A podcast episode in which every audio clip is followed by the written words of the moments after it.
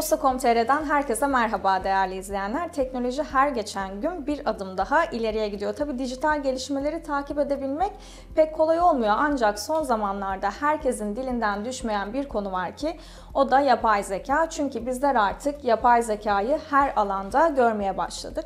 Peki yapay zeka bizler için bir tehdit mi yoksa bir fırsat mı? Bugün merak edilen tüm soruların yanıtlarını doçent doktor Ali Murat Kırık sizler için yanıtlayacak. Hocam hoş geldiniz. Hoş bulduk. Sizler de hoş geldiniz.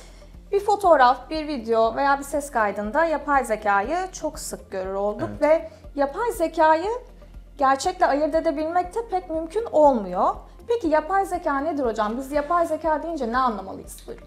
Yapay zeka aslında makine öğrenmesi, derin öğrenme ve farklı dil işleme modellerinin bir araya gelmesiyle oluşan aslında sistematik bir bileşke. Günümüzde de ciddi manada kullanıldığını görüyoruz. Birçok sektörde artık bir karşılığının olduğunu görüyoruz. Aslında bu derin öğrenme dediğimiz, makine öğrenmesi dediğimiz sistemi biz Alan Turing'in Turing testinde görmüştük. Alan Turing'in Turing testinde bir kullanıcının karşısına bir makine koyuluyor, bilgisayar konuluyor ve o kişiyle bir konuşma gerçekleştiriyor. Konuşma bitiminde kullanıcıya karşındaki neydi, gerçek bir insan mıydı yoksa bilgisayar mıydı diye sorulduğunda kendisinin cevabı ise karşımdaki bir kişiydi demesi oluyor. Dolayısıyla aslında burada şunu ifade etmek gerekir ki oradan günümüze değin geçen süre zarfında makine öğrenmesi, dil öğrenmesi ve derin öğrenme ciddi manada artmaya başladı. Yapay zekanın veriye ihtiyacı var. Ne kadar fazla veriyle beslerseniz o kadar doğru ve işlevsel hale getirmiş olursunuz. Bu veri kümelerinin artık ciddi manada kullanıldığını görmekteyiz. Hani büyük veri çağı içerisindeyiz. Hep e, karşımıza çıkan en büyük sorunlardan bir tanesi hani bu veriler ne olacak? Kişisel verilerimiz ne gibi tehditleri e, bünyesinde barındırabilir sorusunun cevabı da aslında burada gizli oluyor. Çünkü yapay zekayı ne kadar fazla beslerseniz o kadar fazla doğru cevap alabilme ama bir o kadar da sizin de az önce söylediğiniz gibi tehdit durumuna gelme e, durumu söz konusu. Evet, peki yapay zekayı biz nasıl örneklendirebiliriz en basit şekilde? En basit şekilde şöyle diyebiliriz. Aslında yapay zeka bugün e, görüntülerde, işte ses ve görüntülerde değişiklik gerçekleştirebilir. Dil öğrenme modelleri aracılığıyla, yapay sinir ağları aracılığıyla kişinin biyometrik verileri değiştirilebilir ve aslında görüntü farklı bir noktaya e, ya da farklı bir sese evrilebilir. Bunları aslında Obama'nın aynı şekilde videosunda göre çok popüler bir e, videodur o da baktığınızda. Yine deepfake karşılığını e, ifade etmemiz gerekir. Deepfake'lerin sahtecilik de son dönemlerde giderek artmaya başlamıştır. Kullanıcıların ses, görüntü ve e, verileri farklı bir şekilde işlenerek başka kişinin görüntüsü başka ses ve görüntüyle işleniyor ve böylece bu derin öğrenme vasıtasıyla aslında o kişinin söylemediği ya da konuşmadığı ya da ifade etmediği hususların aktarıldığını görüyoruz. Bu aynı şekilde bu derin öğrenme, makine öğrenmesinin ciddi manada tehditlerinin de var olduğunu görüyoruz. Çünkü bunlar aynı şekilde gerek Türkiye'de gerekse de dünyada dezenformasyon ve manipülasyon içerikli bir şekilde de sosyal medya aracılığıyla yayılabiliyor. Ee, Bunun dışında e, yine Chatbotların yapay zekanın bir uzantısı olduğunu ifade edebiliriz. Chatbotlar da biliyorsunuz özellikle ChatGPT'nin altını çizmemiz gerekir. Evet. Ee, var olan verileri işliyor ve sorduğunuz sorulara cevap verebiliyor. Ee, dördüncü sürümü tasarım gerçekleştirebiliyor, çizim yapabiliyor. Aynı şekilde e, yapay zeka sunucuların ortaya çıktığını görüyoruz. Ya sesi sizin vermenizle ya da bir metni girip daha sonra bunu yapay zeka sunucunun seslendirdiğini görüyoruz, şahit oluyoruz. Bunlar da aslında yapay zekanın farklı bir boyutu. E, yapay zeka artık istatistik, veri işleme ve kodlama işlemlerini çok rahat gerçekleştirebiliyor. Bir yazılım ya da bir program e, yaz dediğinde bunu yazabiliyor. Ya da bir tasarım, afiş hazırla dediğinizde unsurları veriyorsunuz, gerçekleştirebiliyorsunuz. Bir logo tasarla dediğinizde bunu yapabiliyor. Ya da olmayan örnek vermek gerekirse bana bir trafik kazası fotoğrafı e, gönder dediğinizde de bunu yapabiliyor. Ya da hiç olmayan insanların fotoğraflarını çok rahat bir şekilde oluşturabiliyorsunuz. Geçmişte biliyorsunuz işte Google Lens kullanarak görüntülerin gerçek mi sahte mi olduğunu çok rahat bir şekilde bulabiliyorduk. Bir kişinin görüntüsünü tespit etmek kolaydı. Ama artık yapay zeka ile birlikte bu giderek zorlaşmaya başladı. Aynı şekilde içerik üretimi konusunda da e, bu yapay zeka sohbet robotlarının haber üretiminden tutun şiir, senaryo üretimi, metin yazımı, reklam üretimi konusunda da ciddi etkilerinin olduğunu görüyoruz. Bu da aslında yapay zekanın günümüzde e, uygulamada ne noktada olduğunu bize açık bir şekilde gösteriyor. Peki yapay zeka dünyayı değiştirecek mi? Hep böyle söylemler var. Ne yönde etkileyecek yapay zeka bizi? Burada şunu söylememiz gerekir. Olumlu olduğu kadar olumsuz boyutları da var. Olumlu tarafları nedir? Bir kere insanlara iş noktasında ciddi bir avantaj sağlayacak. Bunu ben tıpkı sosyal medyanın ilk çıkışına benzetiyorum. Biliyorsunuz ilk e, popüler sosyal paylaşım ağı Facebook'un çıkması ki Mark Zuckerberg'in okul arkadaşlarını e, bulması e, fikriyle ortaya çıkmıştı ama sonraları ciddi manada mesela 2016 yılındaki Cambridge Analytica skandalını, Amerikan başkanlık seçimlerindeki skandalı hatırlayacak olursak ya da Brexit Birleşik Krallığı'nın oylamasını hatırlayacak olursak e, o aslında sadece eğlence amaçlı ya da arkadaşları bulma amaçlı mecranın tamamen amacından saptığı, manipülasyonun ve bilgi kirliliğinin had safhaya ulaştığı bir yer haline geldiğini görmüştük. E, sosyal olarak da iletişimi bu noktada öldürdüğünü biz görmüştük, ifade etmiştik.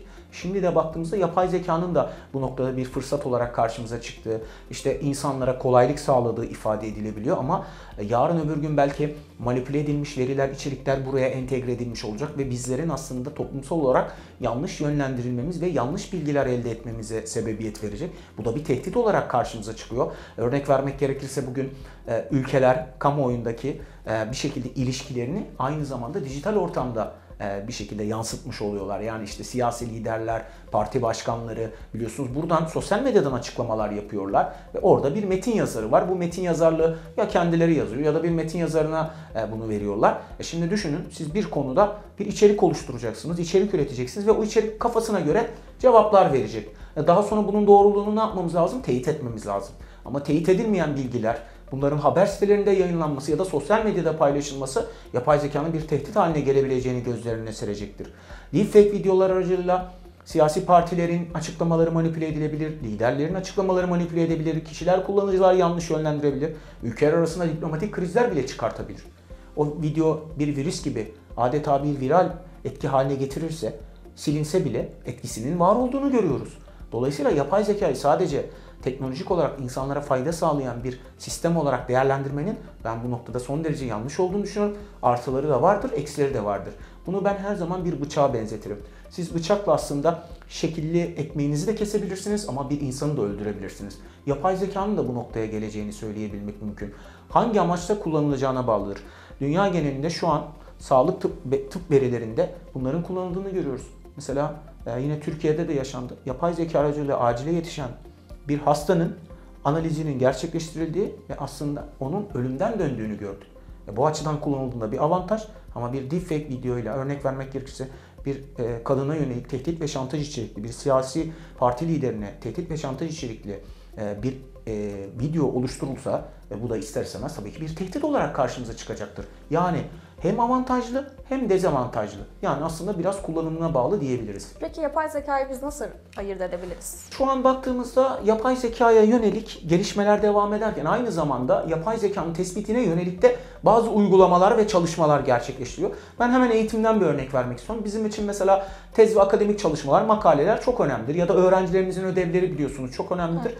Buralarda intihal programları vardır. İntihal programları web ortamını tarar ve aslında bize benzerlik oranı verir. Bu benzerlik oranı ne kadarının internetten alındığı, ne kadarının kendisi tarafından yazıldığını gösterir bir çalışmanın. Aynı durumun artık bu sisteme entegrasyon sağlayacağını da görüyoruz. Nasıl olacak Aydan Hanım bu? Yapay zeka e, simülatörler, yapay zeka entegre araçlar artık bu sistemlere dahil olmaya başladı. Aynı şekilde bizler oluşturulan metinleri ve içerikleri yapay zeka ve chatbotlarına sorabilme şansına sahibiz. Yani internette gördüğünüz bir metin ben çok gördüm. Bir metni alıyorsunuz yapay zeka sohbet robotuna bu metin senin tarafından mı yazılmıştı diye soruyorsunuz. Evet bu metini ben yazdım dediğinde aslında çok rahat bir şekilde bunu tespit edebiliyoruz.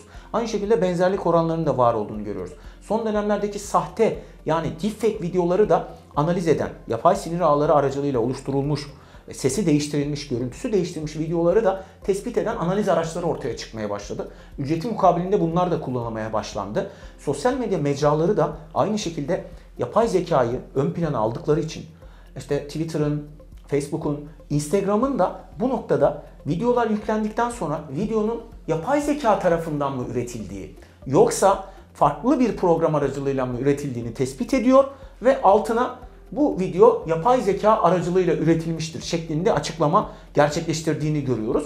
Dolayısıyla hani sosyal medyada şu an belki bir bilgi kirliliği olursa da gelecekte bu sistemlerin entegrasyonu ve bir şekilde görüntünün çok daha derin öğrenme ve derin işleme aracılığıyla onların e, bir şekilde ortaya konması bize bu noktada yapay zekanın e, videoyu oluşturup oluşturmadığını ortaya koymuş olacak. En azından ben bu sistemlerin dezenformasyon ve manipülasyonun önüne geçeceğini düşünüyorum. Ama tabii ki bunların daha şu an deneme aşamasında olduğu, beta sürümlerinde olduğunu altını çizmemiz gerekir. Bunun için de yaklaşık bir 4-5 sene olduğunu, yani gerçekten bir görüntüyü tespit edebilmek, zaten insan gözüyle tespit edebilmek çok güç. Çünkü bugün kullanılan görüntüler bir şekilde anlaşılabiliyor. Çünkü niye? Hani bir insan oynadığında ne bileyim işte kolu da hareket eder, gözü de hareket eder.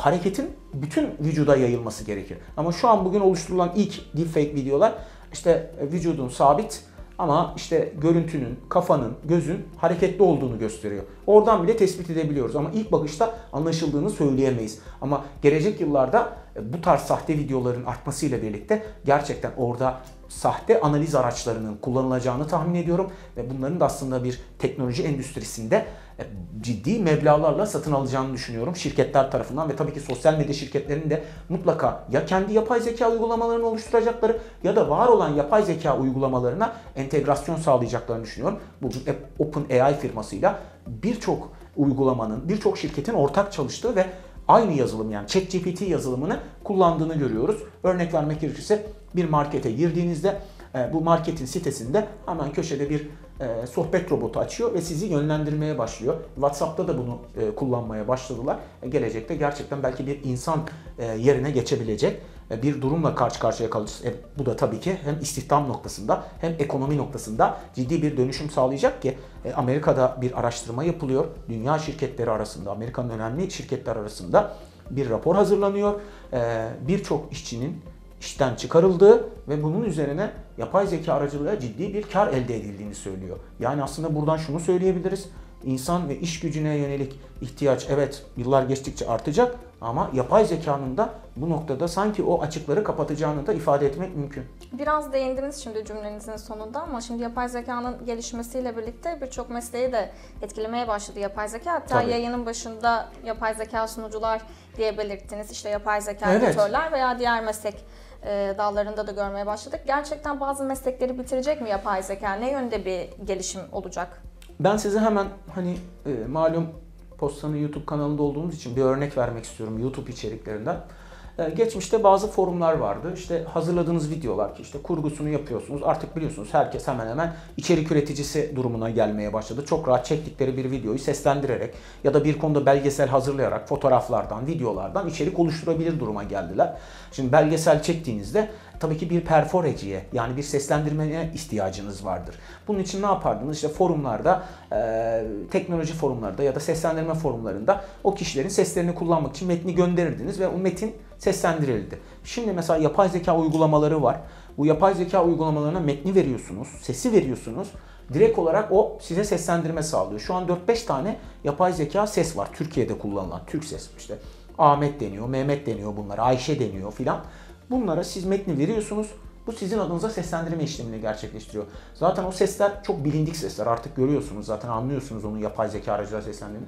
Ama Aydan'ın ilk baktığınızda gerçekten sesi bilmeseniz yani o kadar profesyonel, o kadar diksiyonu kuvvetli, o kadar vurguları kuvvetli ki gerçekten bir e, sunucunun yapacağı, bir spikerin yapacağı seslendirme ve vurgu ve tonlamayı görüyorsunuz. Dolayısıyla yapay zekanın gelişim göstermesi ciddi manada mesela sunuculuk e, sektöründe, sunuculuk mesleğinde derin bir etki oluşturacak. Aynı şekilde hukuk konusunda da söylememiz gerekir. Şimdi biliyorsunuz e, hukukçular bir avukat ya da bir hakim önce var olan dosyaları analiz etmesi gerekir. Yani işte deliller, bulgular, davacı tarafın iddiaları, e, davalının iddiaları ve savunma kısmı bunların hepsi analiz edilir. E, şimdi düşünün bütün metinleri siz yapay zeka yükleyeceksiniz. O size davanın belki özetini vermiş olacak. Olayın ne yaşandığını ifade etmiş olacak.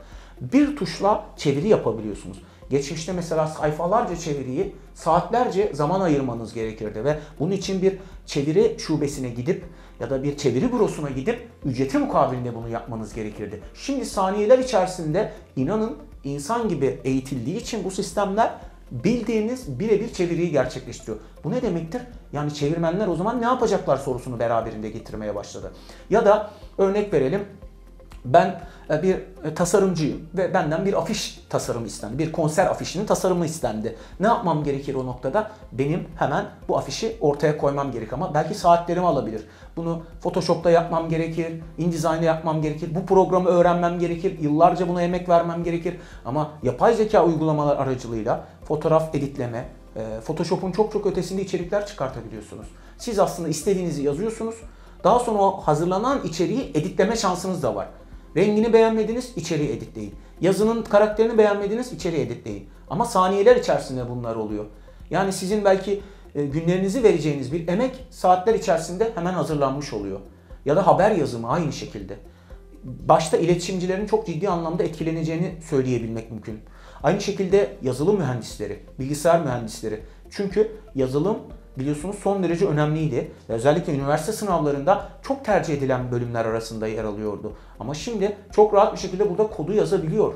Sizin alanınıza bu kodu yazıp bunu bir uygulama ve program haline getirebiliyor. Dolayısıyla Aydan Hanım bakın gördüğünüz gibi birçok mesleğin tehdit ve risk altında kaldı ya da istatistikçilerin verileri verdikten sonra Kika, SPSS üzerinden ki kar analizini gerçekleştirebiliyor, ilişkileri kurabiliyor. Bunların birçoğunu gerçekleştirebiliyor. Ya da bugün bir fotoğraf çekeceksiniz. Ne yapmanız gerekir? Belki çok tehlikeli bir noktaya gitmeniz gerekecek. Fotoğrafın nerede olduğu, gökyüzünün renginden tutun, binanın rengi, e, alan, nelerin olması gerektiğini sadece yazıyorsunuz cümleleri. Bu size bunu birkaç saniye içerisinde göndermiş oluyor. Ve bunlar artık bir sektör haline gelecek. Dolayısıyla meslekleri belki bitirmeyecek ama bu meslekleri icra eden kişiler ve kullanıcılar mecburiyetle yapay zekada kendilerini geliştirmek zorunda kalacaklar. Bunun da özellikle altını çizmemiz gerekir. Yani belki mesleklerin dönüşüm içerisine gireceği. Öldürmek demek belki yanlış olacaktır. Bugün bir eğitmen e, bilgileri anlatabilir ama bugün robot eğitmenlerin de ortaya çıktığını görüyoruz. Ama burada duygu kavramına belki değinmemiz gerekir. Sonuçta bir insan kadar duygusu söz konusu değildir. Evet belki bir insana ait özellikleri gerçekleştirebilir ama insan gibi düşünemez. Yani mesela Ali Murat Kırık'ın ne düşündüğü, ne ruh halinde olduğunu belki bir arkadaşı ya da bir hocası çok rahat tespit edebilir ama ruh halinden şu an için en azından yapay zekanın anlayamayacağını ifade etmemiz gerekir. Dolayısıyla çok önemli bir teknoloji olduğunu söylemek ama insan emeğini tamamen ortadan kaldıracağını söylememek gerekir. Çünkü yapay zekayı oluşturan ve geliştirenin de insan olduğunun altını çizmemiz gerekiyor. Evet aslında şimdi bir sonraki sorum da e, benim yapay zeka acaba insanlığın sonunu getirecek mi olacaktı. Yani dilerseniz net bir şekilde de onu açıklarım. Aslında insanlığı bitiremez diye ipucu verdiniz ama Evet. e, yine de açıklarım lütfen. Şimdi tabii bununla ilgili iddialar da var. Yani özellikle başını Elon Musk ve Bill Gates'in çektiği özellikle yapay zeka konusunda e, şirketleri olan SpaceX, Tesla biliyorsunuz otonom araçlar konusunda e, ciddi anlamda e, sürücüsüz araçlar konusunda ciddi çalışmaları var. E, Twitter 44 milyar dolara satın aldıktan sonra ki OpenAI dediğimiz şirketin yani ChatGPT'nin kurucu ortakları arasında yer alan bir isimden bahsediyoruz. Bundan bir ay önce ciddi bir açıklama yapmıştı. Nasıl bir açıklama yaptı? Eğer önümüzdeki 6 ay içerisinde ChatGPT gibi yapay zeka sohbet robotlarının gelişiminin önüne bir ket vurulmazsa yani engelleme işlemi gerçekleştirilmezse yapay zekanın insanlığı tehdit edeceğine dair bir iddia ortaya atıldı. Binlerce e, yapay zeka alanında uzman, araştırmacı ve çalışan bunu ortaya koydu. Ben tabii ki burada bu alanda çalışan bir akademisyen olarak çelişki içerisine girdim. Neden? Hem bir noktada 6 ay e, önüne engel konulması gerektiğini ifade ediyor açıklamasında ama aynı zamanda da kendi sistemlerinde, kendi firmalarında, şirketlerinde bu teknolojiyi kullanıyor. Aynı şekilde Twitter'a da bir yapay zeka sohbet robotunun entegre edileceği iddiası e, dünya kamuoyunda ortaya çıkmaya başladı. 15 bin ekran kartı aldığı e, söyleniyor, ifade ediliyor. Yani Elon Musk gibi bir hani girişimcinin bu mecra, mecrayı Twitter'ı 44 milyar dolara satın almış bir kişinin yapay zekaya uzak kalacağı ya da yapay zekanın önüne ket vuracağını söyleyebilmek çok güç. Dolayısıyla ben bunun altında da bir şey olduğunu düşünüyorum. Ama şimdi korkuların da yersiz olmadığının da altını çizmemiz gerekir. Hani bilim kurgu filmlerde hep izlerdik. Bunları görürdük. İşte mesela Ben Robot diye bir film var. Ya da işte e, Robocop, Terminator filmleri var. Bunlar hep bizim karşımıza çıkan filmler. Buradaki hayatlara dair de bir hani dönüşüm oluyor. Yine e, belki e, 40-45 yaş üstü izleyicilerimiz de bilirler. Jetgiller diye bir çizgi film vardı. E, robotla insanlar bir araya geliyorlardı. Yani şu anda sanki bu noktaya doğru geliyoruz. E, Robot Sophie vardı. E, bunu hatırlarsınız 2016 yılında çok ciddi bir tanıtımla tüm dünyaya yayılan bir potansiyeli söz konusuydu, erişimi söz konusuydu. Orada çaka yollu işte ben insanlığın sonunu getireceğim tarzında bir açıklaması vardı. Hani ben her zaman derim her şakanın altında bir gerçek payı söz konusu olabilir. Sanki burada da gidişat o noktaya e, dönüşüyor. E, şimdi baktığımızda ben birçok işi yapay zeka aracılığıyla saniyeler içerisinde gerçekleştirebiliyorum. Ama iş yükü bu sefer artmaya başladı. Yani aslında teknoloji gelişiyor ama iş yükü de bir o kadar artıyor diye görüyorum. Yani hani diyorlar ya bundan 15-20 sene önce yapay zeka yokken, sosyal medya yokken insanlar e, ne yapıyorlardı, ne ediyorlardı diye sorduğumuzda e, bu soruya cevaben işte e, zaman yetmiyordu yine de dendiğinde e, biz belki inanmıyorduk ama şu an baktığımızda da bakın her şeyimiz akıllı telefonlarda, tabletlerde, bilgisayarlarda her şeyi dijital teknolojilerde kullanıyoruz ama gerçekten bugün baktığımızda e, çoğu izleyicimizin de ben bu, katıldığını düşünüyorum buna. E, onların da zamanını çok yetiştirdiklerini ya da kendilerine çok e, büyük bir zaman ayırdıklarını açıkçası düşünmüyorum. Ali Murat Hocam şimdi söylediklerinizden yola çıkarak e, tabii dijitalleşme büyük bir hızla ilerliyor. Evet. Yapay zekayı biz doğru kullanırsak bizler için bir fırsat. Yanlış kullanırsak Bir tehdit. tabii tehditler oluşturuyor. Tabii yapay zekanın gelişimiyle birlikte bir sorun ortaya çıkıyor aslında. Yapay zeka dolandırıcılık. Evet. Şimdi bunu nasıl e, analiz edersiniz bize yapay zeka dolandırıcılığı? Çok haklısınız. Şu an belki de hmm, yapay zekanın hep artılarını da konuştuk. Tabii eksilerini de konuştuk ama gelecekteki en büyük dezavantajları da dolandırıcılık olacak. Biliyorsunuz aslında Türkiye'de de çok sıklıkla kullanılan bu telefon dolandırıcılığı ya da internet ortamındaki veri dolandırıcılığı biliyorsunuz söz konusuydu.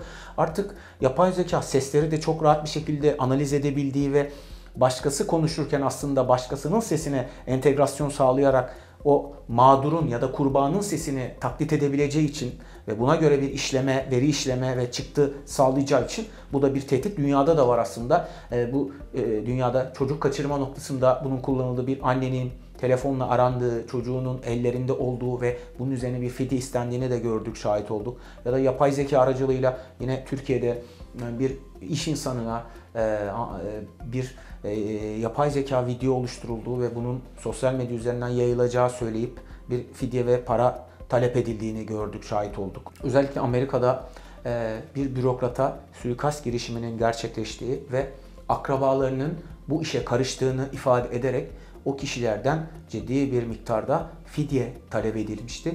Bunun gibi örnekleri aslında çok rahat bir şekilde sayabiliriz. Bunun gibi örnekler çok var ve olmaya da devam edecek. Çünkü aslında yapay zeka dolandırıcıları da insanların zaaflarını ve duygularını sömürmeye çalışıyorlar. Anlık zaaflarla aslında bizler işlem gerçekleştiriyoruz. Hani nasıl sosyal medyada bir link geldiğinde bunun aslında yanlış olduğunu, bunun hileli bir link olduğunu, sahte bir siteye yönlendireceğini bilsek de hani böyle bazen insanlar anlık bir şekilde nutkun tutulur vesaire dersiniz ya o anlık bir noktada linki tıklıyor ve aslında ya bir virüs bulaşıyor ya da kimlik bilgilerini giriyor. Yapay zeka dolandırıcılığı da aynı noktaya ilerlemeye başladı. İçerik o kadar başarılı ki karşınızda belki bir kişi konuşacak ve o belki sizin anneniz, babanız, bir akrabanız ya da arkadaşınız olmayacak. Hani biz sosyal medyadan gönderilen mesajlara bir şekilde alışmıştık. Ama artık bu bir adım öne geçmeye başladı. Ve ben bunun gelecekte ciddi bir risk oluşturacağını düşünüyorum. Ve bir anda artık insanların buralara güvenmesi, inanması, ikna olması gelecekte potansiyel bir tehdit durumuna gelecek. Hani eskiden hep şunu derdik. Gözümle görmeden inanmam. Kulağımla işitmeden inanmam. Sözlerinin artık yapay zeka ve deepfake'lerin sahteyle birlikte tarih olduğunu söyleyebiliriz. Çünkü artık bu noktada gördüğümüz içerikleri bile iki kere, üç kere belki incelemek, irdelemek ve sorgulamamız gerekecek. Aksi takdirde ciddi problemlerle karşı karşıya kalabilme şansına sahip olacağız ve bu durum ister istemez bizde büyük problemler yaşanmasına sebebiyet verecek. Ali Murat Hocam, Evet. yapay zeka dolandırıcılığının ciddi bir boyuta ulaştığını vurguladınız. Evet. Peki biz yapay zeka dolandırıcılığından nasıl korunabiliriz? Bu noktada neler yapabiliriz? Ee, tabii burada dikkat etmemiz gereken bir husus var. O da şu olacaktır.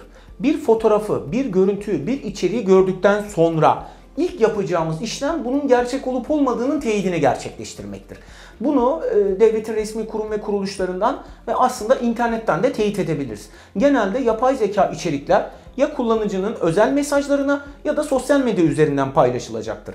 Dolayısıyla burada yapılacak ilk temel işlem bu olacaktır. İkinci olarak yapay zeka içeriklere e, bakarken işte göz, efendim dudak ve işte kulak hareketlerini son derece kontrol etmeniz gerekmektedir. Zira bu tarz hazırlanmış içerikler ilk bakışta anlaşılmasa da derin ve yakın çekim içerisinde anlaşılabilmektedir. Dolayısıyla bunlar içinde e, fotoğrafları ve sesleri analiz eden belli araçlar ortaya çıkmıştır. Bu araçları kullanarak çok rahat bir şekilde bu analiz işlemini gerçekleştirebiliriz. Ama kullanıcıların bu noktada bu uygulamaları kullanması yetmez. Yapay zeka okur yazarı da olmaları gerekir. Çünkü bu tehdidin ne noktada olduğunu önce teorik olarak bilmek gerekir. E, tabii ki burada da devletlerin de üstüne düşen görev ve sorumluluklar vardır. Gelecekte böyle potansiyel bir tehdit ve silah durumuna gelecek bir teknolojiyi belki de ilkokul çağlarından öğrencilere anlatmaları ve aktarmalarının son derece önemli olduğunun da altını çizmek gerekir. Bununla birlikte ses analiz araçlarının yetmediği durumlarda içeriklerin mutlaka kontrol edilmesi ve birkaç kaynaktan kıyas ve teyit edilmesi gereklidir. Örneğin bir arkadaşınızdan geldiğini düşündüğünüz bir video ya da fotoğrafı mutlaka arayarak tespit edebilirsiniz. Ya da bilmediğiniz bir numaradan aranma sağlandıysa arkadaşınızın olduğu iddia edilen bir numaraysa bile onun yakınlarını arayarak ya da e, o arkadaşınızı kendi telefonundan arayarak da bu kişinin kim olduğunu tespit edebilme şansınız söz konusudur. Çünkü dolandırıcılık ve sahtecilik açısından yapay zekanın kullanılacağını söyleyebiliriz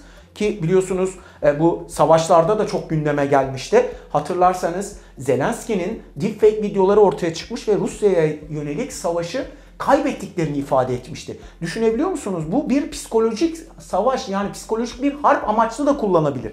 Ülkelerin ve devletlerin ilişkilerini bozmak amaçlı da kullanılabilir.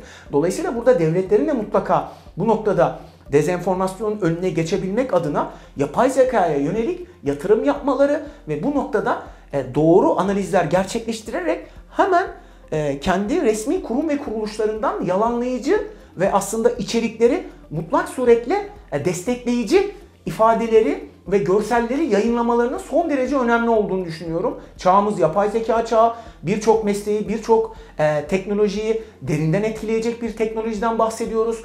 Bunların artıları olduğu gibi eksileri de olacaktır. Ama bu şu demek değildir ki yapay zekayı biz kullanmayacağız ya da yapay zekaya her zaman bir tehdit gözüyle bakacağız. Bunu nasıl insanlığın faydasına ve lehine kullanabiliriz? Bunu sorgulamamız gerekiyor. Özellikle çocukların ve gençlerin yapay zeka konusunda eğitilmesi ve yetiştirilmesinin ben çok faydalı olacağını düşünüyorum. Bu işlemler gerçekleştirilirse, gerçekten yapay zeka konusunda önemli aşamalar kat edilirse hem Türkiye açısından hem dünya açısından ben teknolojinin geleceği açısından çok olumlu bir bakış açısının kazanılacağını düşünüyorum. Ama her zaman dediğim gibi fırsatları olduğu kadar tehditleri de olacaktır. Bu tehditlerin de var olduğunu asla unutmamalıyız ve bu tehditlere karşı el birliğiyle mücadele etmeliyiz. Ali Murat Hocam çok teşekkür ederim. Sizin de dediğiniz gibi çağ yapay zeka çağı. O yüzden de her yani bu konuyu detaylıca bilmemiz gerekiyor. Çok kıymetli bilgiler paylaştınız. Bir kez daha teşekkür ederim. size. Ben teşekkür ediyorum. Ee, bu fırsatı bana verdiğiniz için tüm Posta.com.tr izleyicilerine de e, bu noktada çok dikkatli olmalarını gerektiğini tekrardan söylemek istiyorum. Çok teşekkürler. Posta.com.tr'de doçent doktor Ali Murat Kırık'la birlikte yapay zekayı konuştuk. Yeni konu ve konuklarla tekrar görüşmek dileğiyle diyelim. Hoşçakalın.